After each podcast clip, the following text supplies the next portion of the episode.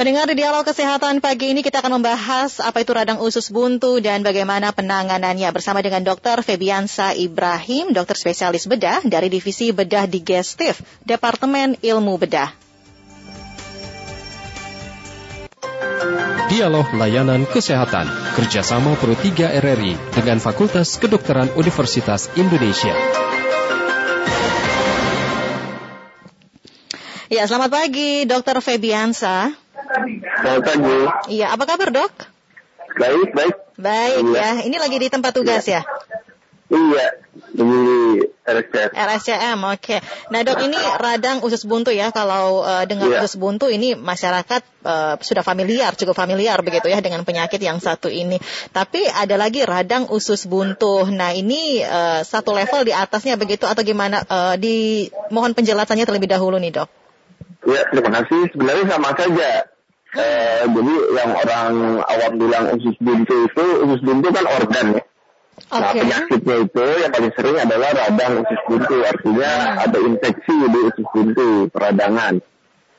Nah, peradangan ini eh, yang orang bilang eh, sakit, kalau orang awam bilang orang sakit usus buntu. Gitu. Ya, itu sebenarnya adalah radang eh, usus buntu tadi. Iya, ada peradangan di usus buntu. Oke. Itu. Nah ini Nah, kalau bahasa kedokterannya kita bisa bilang appendicitis ya. Kalau Mhm. orang bilang tuh appendicitis. Jadi ada peradangan di usus buntu gitu. Oke, itu eh, gejalanya apa saja tuh dok?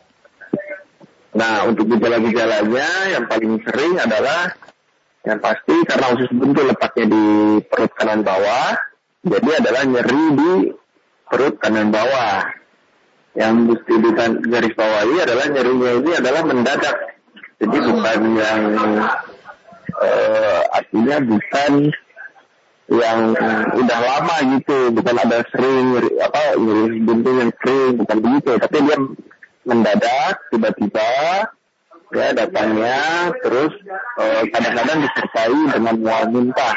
Hmm, Ah, itu kenapa tuh kalau eh, serangannya itu mendadak begitu ya? Itu penyebabnya Ya, apa? Se- sebabnya adalah sumbatan yang paling sering. Oke. Sumbatan pada usus buntu.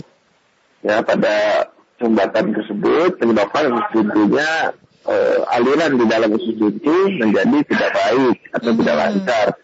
Tersumbat sehingga usus buntunya eh, bengkak. Nah, bengkak itu sehingga eh, yang tadinya eh, kan di dalam usus buntu itu kan di usus besar ya. Ya. Jadi yang tadinya kotoran di situ kotoran apa bakteri-bakteri yang normal karena tersumbat menjadi tidak normal sehingga Hmm. menyebabkan infeksi. Oke. Nah kalau kelamaan sumbatan itu terjadi bisa menyebabkan yang dibilang usus buntunya pecah seperti itu. Oke, itu eh, kalau diartikan usus buntu pecah ini seperti apa nih? Eh, Nah pecah ini artinya eh, dia usus buntunya bocor lah. bocor begitu sehingga ya? ya, ya yang tadinya konten infeksinya ada di dalam usus buntu menjadi keluar ke rongga perut Oke. seperti itu sehingga infeksinya menjadi lebih berat kalau sudah seperti itu. Nah kejadian ini biasanya kalau misalnya kita tidak atau tidak datang ke fasilitas kesehatan atau Mhm. tidak diperiksakan rata-rata itu sekitar eh, tiga hari semenjak keluhan pertama dirasakan. Oke. Eh, yang Biasanya dalam tiga hari, ya kalau sudah lebih dari tiga hari, kemungkinan besar untuk untuk apa usus buntu ini sudah pecah akan semakin besar resikonya. Seperti itu. Oke, jadi eh, kalau sudah eh, lebih dari tiga kali selama tiga hari begitu ya serangan atau Iya. sakit secara mendadak tadi begitu ya?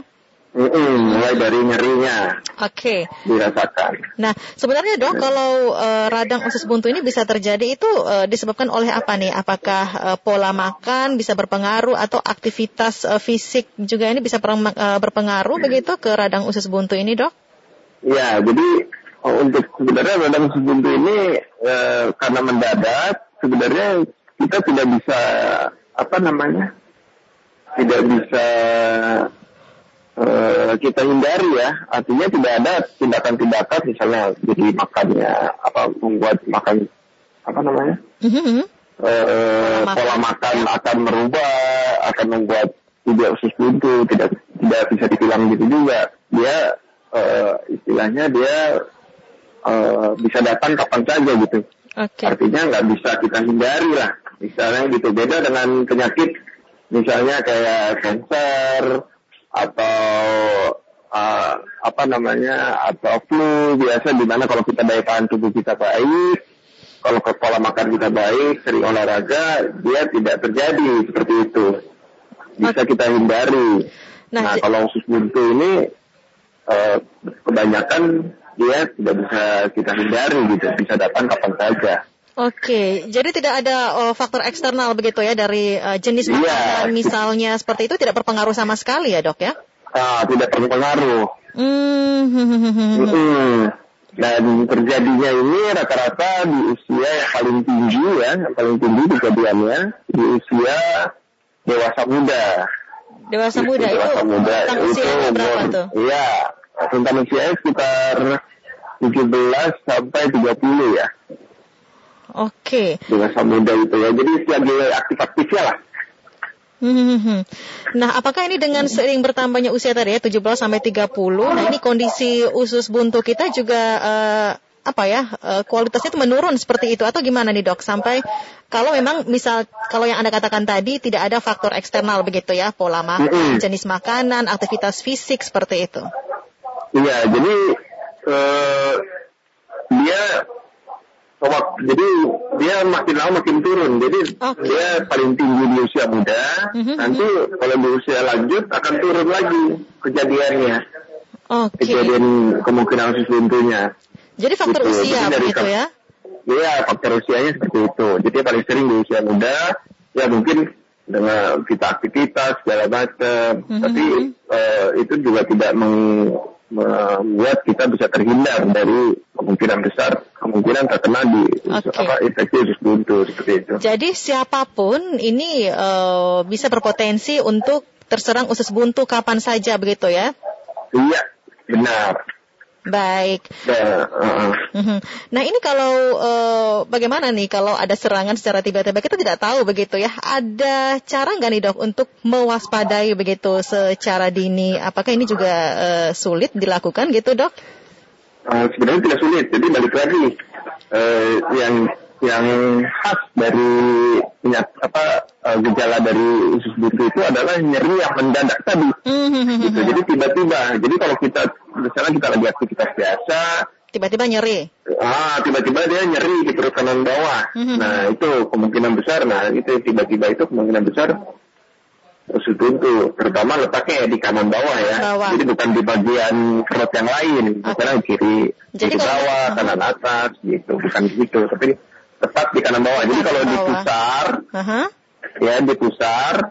Nah di di kanan dari di kanan bawah dari pusar. Hmm, baik. Jadi kalau sudah eh, tiga hari merasakan nyeri yang sama, artinya ini harus segera ke dokter. Halo? Harus. Halo dok. Halo. Oke, sayang sekali kita terputus dengan ada Dokter Febiansa ya. Kita coba kembali menghubungi Dokter Febiansa. Nah, eh, kami juga mengundang Anda pendengar kalau ada yang ingin Anda tanyakan eh, berkomunikasi, langsung, berkomunikasi langsung ya dengan Dokter Febiansa silahkan di 0213523172 atau di 0213844545 atau di 0213866712 dan di 081399399888 melalui WhatsApp. Nah, silakan pendengar kami sudah kembali tersambung Dokter Iya, maaf putus ya. Iya, terputus. Tidak apa-apa, Oke, Dok ya. oke. Oke, nggak masalah, Dok. Nah, jadi ini eh, kalau sudah tadi ya terserang secara tiba-tiba, rasa nyeri secara tiba-tiba, eh, tiga hari ini Di- masih ada Ya, di eh, bagian perut nyeri yang bawah. sama di tempat Ya. yang sama. Nah, ini harus segera Nah. cepat ke dokter gitu ya. Biasanya disertai dengan mual muntah. Mual muntah juga. Iya, pasti ya, mual muntah ini. Iya. Dan rasa tidak enak di ulu hati biasanya. Karena ada persarapan di antara eh, usus buntu dengan di daerah lambung. Sehingga biasanya disertai dengan nyeri atau tidak enak di ulu hati sehingga sampai mual muntah biasanya. Oke. Gitu. Kalau berlanjut, Mhm. kalau berlanjut ya misalnya di hari misalnya tidak diobati gitu, hari kedua, hari ketiga biasanya baru mulai demam. Jadi dari perut dulu baru demam biasanya. Demam, mual, begitu. muntah begitu. Nah ini eh, Ya. kalau ke dokter berarti ada obat begitu. Obatnya hanya obat eh, anti nyeri saja atau gimana nih? Nah, jadi begini, kalau misalnya datang dengan kecurigaan usus buntu, sudah di, misalnya khas tadi ya, gejalanya yang paling baik adalah operasi. Oke. Ah, ah, karena eh, itu menjadi sumber infeksi usus buntunya. Kalau tidak ditangani sumber infeksinya, yang kita takuti adalah berlanjut tadi. Oke, berlanjut baik. terus sampai pecah Hmm. buntunya. Jadi nah, ke- itu yang kita hindari, yang kita nggak mau, apa, yang kita tidak mau kondisi seperti itu. Baik, Makanya- jadi satu-satunya Ah. cara ini langkah terbaik. Nah, ini solusi terbaik adalah operasi ya dok ya? Iya, Baik. eh, operasi. Nah, beberapa banyak memang yang eh, dengan antibiotik bisa misalnya pemberian obat ya, Mhm. terutama pemberian antibiotik itu akan mengurangi atau mungkin eh, pasien tidak apa artinya eh, merasa sudah sembuh gitu. Oke, ternyata Nah, tapi itu. masalahnya kalau Mhm. Ya, masalahnya kalau kalau kalau memang karena usus buntu ya infeksinya dia akan datang lagi, balik lagi gitu. Oke, jadi akan kembali lagi nyeri perut kanan bawah kembali. terapi obat itu Eh, sifatnya berulang sementara biasanya. saja ya? Iya, biasanya berulang kembali. Jadi makanya yang tetap yang paling baik adalah, Adalah kita operasi. sebetulnya. Baik. Iya. Oke. Ah, Dokter Febiansa nih terima kasih sudah eh, berbagi informasi bersama kami pagi ini ya, Dok ya. Oke, ya. Iya, selamat bertugas kembali ya, Dok. Salam sehat. Oh iya, sudah ya. Oke. Iya. Terima kasih.